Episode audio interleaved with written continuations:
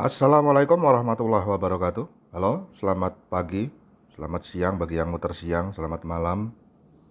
Para taruna tingkat 3 eh, kelas 3 transportasi darat 32.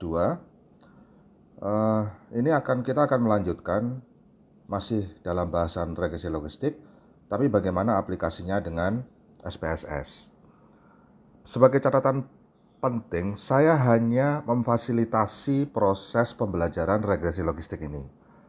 Untuk pendalaman lebih lanjut, problem solving, kemudian eh, bagaimana implementasinya dalam penelitian, sepenuhnya saya menyerahkan kepada kalian untuk mendalami, untuk memperluas pengetahuan kalian. Karena proses pembelajaran supaya biar berhasil di sini harus ada banyak pelatihan. Untuk itu, Selesai dari materi kuliah 4 ini, regresi logistik dengan SPSS, maka nanti akan saya kasih tugas untuk memulai survei. Itulah kenapa saya kemarin meminta kalian untuk uh, mempelajari mengenai survei monkey ya.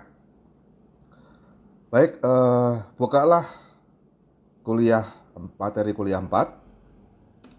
Nah, yang pertama ini adalah file Excel ini hanya contoh soal saja, tentunya juga dibuat tidak dengan sempurna. Jadi kalian tidak perlu mengikuti contoh ini. Nanti saya juga akan memberikan beberapa link video yang yang patut untuk kalian pelajari lebih lanjut setelah uh, mendapatkan introduction atau pembukaan dari uh, bagaimana analisis regresi logistik dengan SPSS dari saya. Dan itu merupakan hal yang mutlak di mana kalian harus mempelajarinya, membuat catatan sendiri, step-stepnya nanti seperti apa, dan nanti aplikasinya adalah pada uh, latihan survei atau tugas survei uh, apa secara aplikasi survei bangki untuk menganalisis kasus-kasus regresi uh, lini, regresi uh, logistik yang ada di sekitar tempat tinggal kalian, terutama dalam dalam kasus pemilihan moda. uh, Oke, kita akan membahas ini. Nah, di contoh di presentasi yang pertama ini, ini adalah di A bagian A ini adalah responden. Ada ada 25 responden. Kemudian ini B, C, D, E ini adalah kolom-kolom variabel bebasnya. Nah, tampak di sini angkot di sini tidak iya tidak iya. Ini ini merupakan uh, maksudnya mau naik angkot apa enggak gitu. intinya seperti itu. Nah ini adalah variabel y-nya. Variabel eh, independennya. Eh, variabel dependennya ya tergantung. Nah variabel independennya ada 1 2 3 4 5 yang akan yang akan dimasukkan dalam penelitian ini. Yang pertama gender ada laki-laki, ada perempuan, ini hasil survei ya, pura-puranya hasil survei dari 25 orang. Kemudian ada pendapatannya, ada yang 10 juta, 6 juta, dan lain sebagainya ini. Lalu kolom E adalah mobil. Mobil ini eh, jumlah yang dimiliki maksudnya ya. Responden pertama, laki-laki dengan pendapatan 10 juta, dia memiliki mobil satu, sepeda motor satu, usianya 45. Nah, seperti itu cara membacanya. Nah, lihatlah yang bagian kuning yang saya kuningi ini, saya blok kuning ini, nomor 12 dan nomor 14. Ada perempuan dengan pendapatan 3 juta, mobil nggak punya, sepeda motor nggak punya, usia 33, maka ini adalah termasuk orang yang captive atau tergantung dari angkutan umum. Mau nggak mau dia akan naik angkutan umum. Angkutan angkot ya. Kemudian laki-laki dengan pendapatan juga 3 juta, tidak punya mobil, tidak punya sepeda motor, nomor 40, dia juga akan masuk golongan captive Sementara yang lain uh, punya mobil, punya sepeda motor, maka dia termasuk golongan choice. Dia bisa milih sepeda motor, dia bisa milih mobil, dia juga bisa milih angkot, ya. Itu. Nah, ini adalah data hasil survei. Tidak usah merefer kepada ini yang merupakan contoh saja, contoh bagaimana uh, apa kalian mengoperasikan saja. Ini sebagai introduction saja. Kalian nanti juga bisa bikin latihan soal sendiri atau langsung praktek ke ini ke latihan surveinya sebagai tugas atau dari contoh-contoh dari internet banyak sekali nanti saya akan berikan beberapa videonya. Nah, kemudian yang berikut, nah ini kan gen, uh, gender ya, masih gender laki-laki pernah. Ini kan harus diubah. Ingat bahwa regresi logistik itu dia itu uh, apa variabelnya itu modelnya seperti 0101 ya tidak beli enggak. Laki-laki perempuan tua muda. Nah seperti itu modelnya.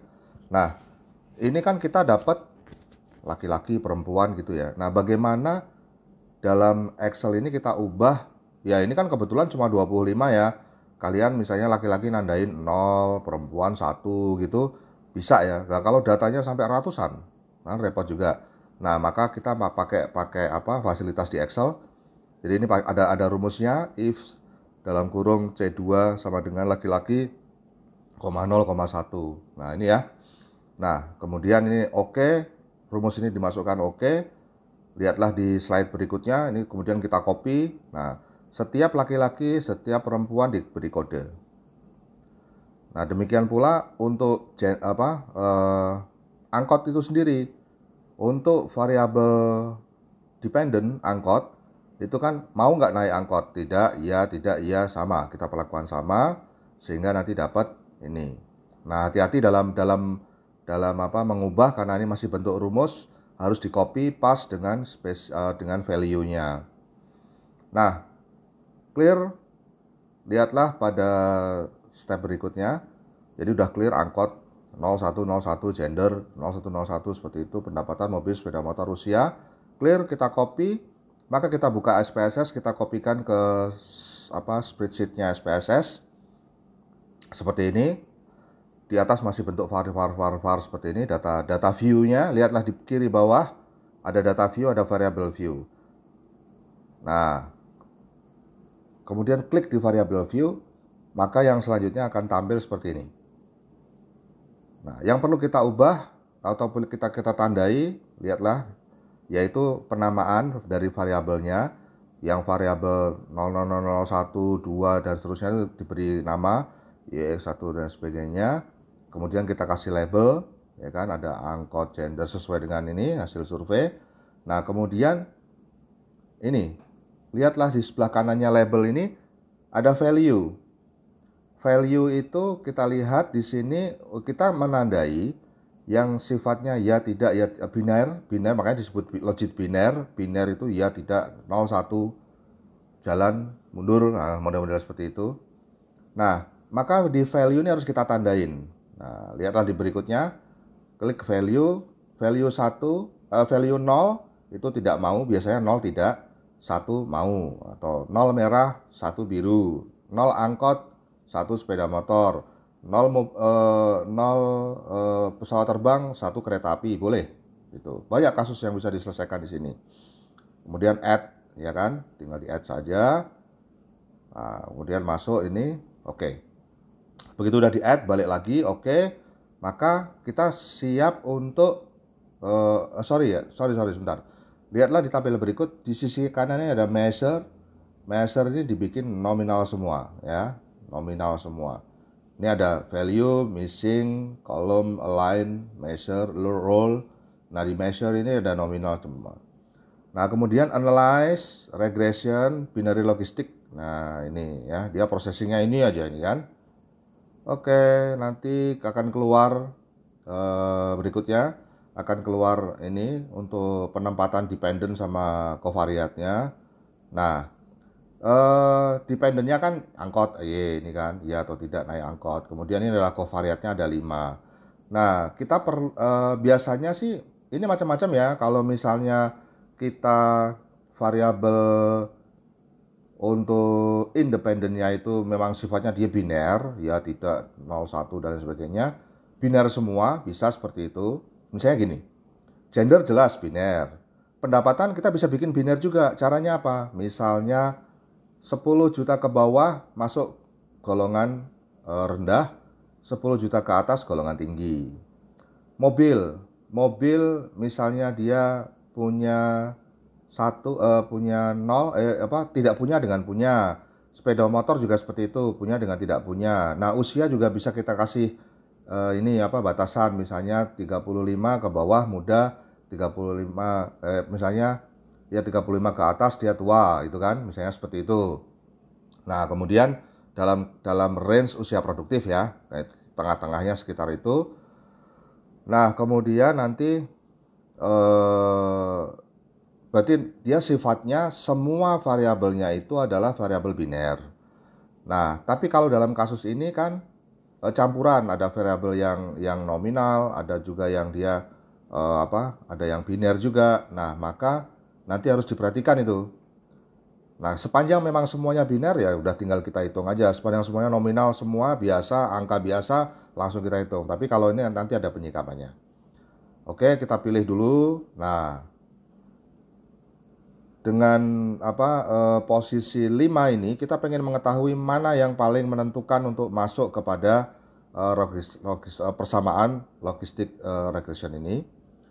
Nah, berarti kita harus uji satu persatu. Pertama adalah gender dulu, ya kan? Gender, angka ini dependennya angkot, covariatnya gender atau X1. Kemudian, nah ini kan masuknya kategorikal, ya kan? Gender kan kategori, ya kan? Kategorinya laki-laki perempuan. Nah lihat berikutnya, masuk ke di, dimasukkan ke kategorikal kategorikalnya kemudian uh, dibikin ini first ya sebelah kanan bawah ini diubah jadi first lalu masuk ke continue. Continue balik lagi option. Nah, di option ini kita centang satu saja dulu yang posisi apa nih? CI for XPB ini yang kanan ini 95% ya apa tingkat kepercayaan. Lalu langsung continue. Nah, nanti akan ada output logistic regression, outputnya seperti ini. Nah, untuk output ini coba carilah yang di ini ada ada banyak outputnya ada block one method enter. Nah, di sini terlihat omnibus test of model coefficient signifikansinya 0,658.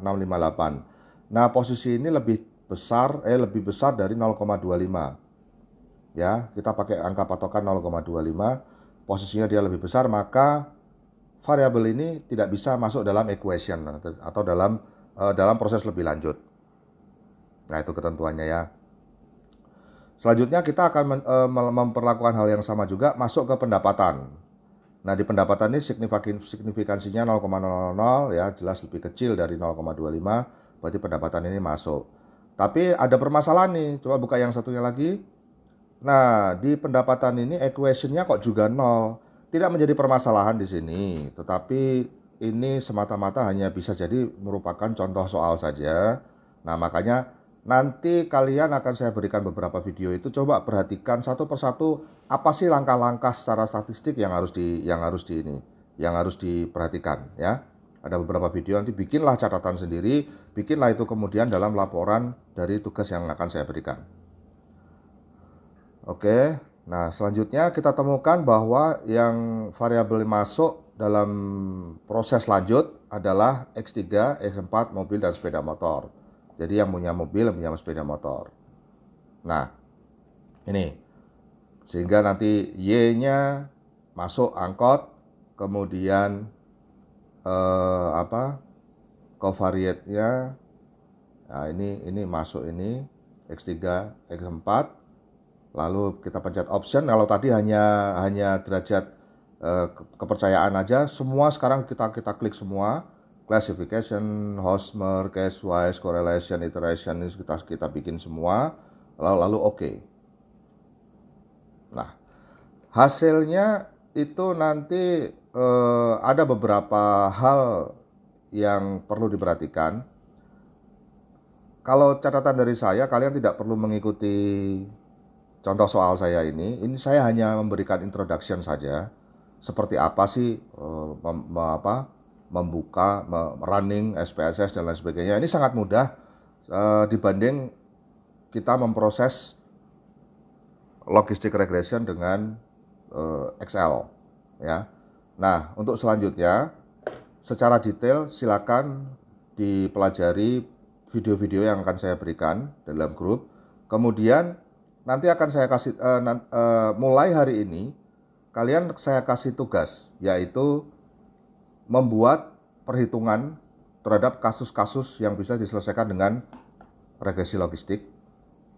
E, banyak hal dalam kehidupan kita tuh yang bisa diselesaikan dengan kasus regressi logistik yang ada di sekitar kalian saja. Jadi tidak perlu harus kalian jalan survei karena kalian menggunakan sepenuhnya menggunakan aplikasi Survey Monkey. Bagaimana kalian mendesain survei, bagaimana kalian menganalisis dengan Reclog. Nah, itu sepenuhnya pribadi. Tugas ini tugas pribadi dan dikumpulkan minggu depan. Jadi mulai hari ini kalian sudah harus mendesain surveinya dan kemudian nanti uh, link surveinya dikirimkan ke saya ke WA saya dan kemudian nanti kalian sudah mulai melakukan survei hasilnya nanti dianalisis oh, seminggu kemudian berarti kira-kira hari ya hari hari ya hari hari Kamis lah ya hari Kamis minggu depan ya kan? Hari Kamis minggu depan tuh laporannya sudah harus dikirim ke email saya. Nanti saya uh, supaya jelas tugas akan saya ketik ke WA kemudian nanti kalian tinggal memperdomani saja. Tapi hari ini full untuk mempelajari bagaimana membaca interpretasi dari hasil-hasil SPSS ini dari video-video berikut yang akan saya kirim termasuk uh, secara pembukaan yang sudah saya lakukan ini dan kemudian uh, kalian mulai menyusun kuesioner ya kuesioner survei. Ini hal yang sangat mudah sebenarnya maka cepat untuk untuk segera dipahami dan bagaimana nanti interpretasi dari hasil-hasil survei kalian membuat laporan. Nah itu yang penting. Baik uh, petunjuk dari saya untuk kuliah yang keempat ini seperti itu. Silakan eh, dipelajari semuanya dan diikuti apa arahan saya. Mudah-mudahan bermanfaat, jaga kesehatan, salam buat keluarga di rumah. Assalamualaikum warahmatullahi wabarakatuh.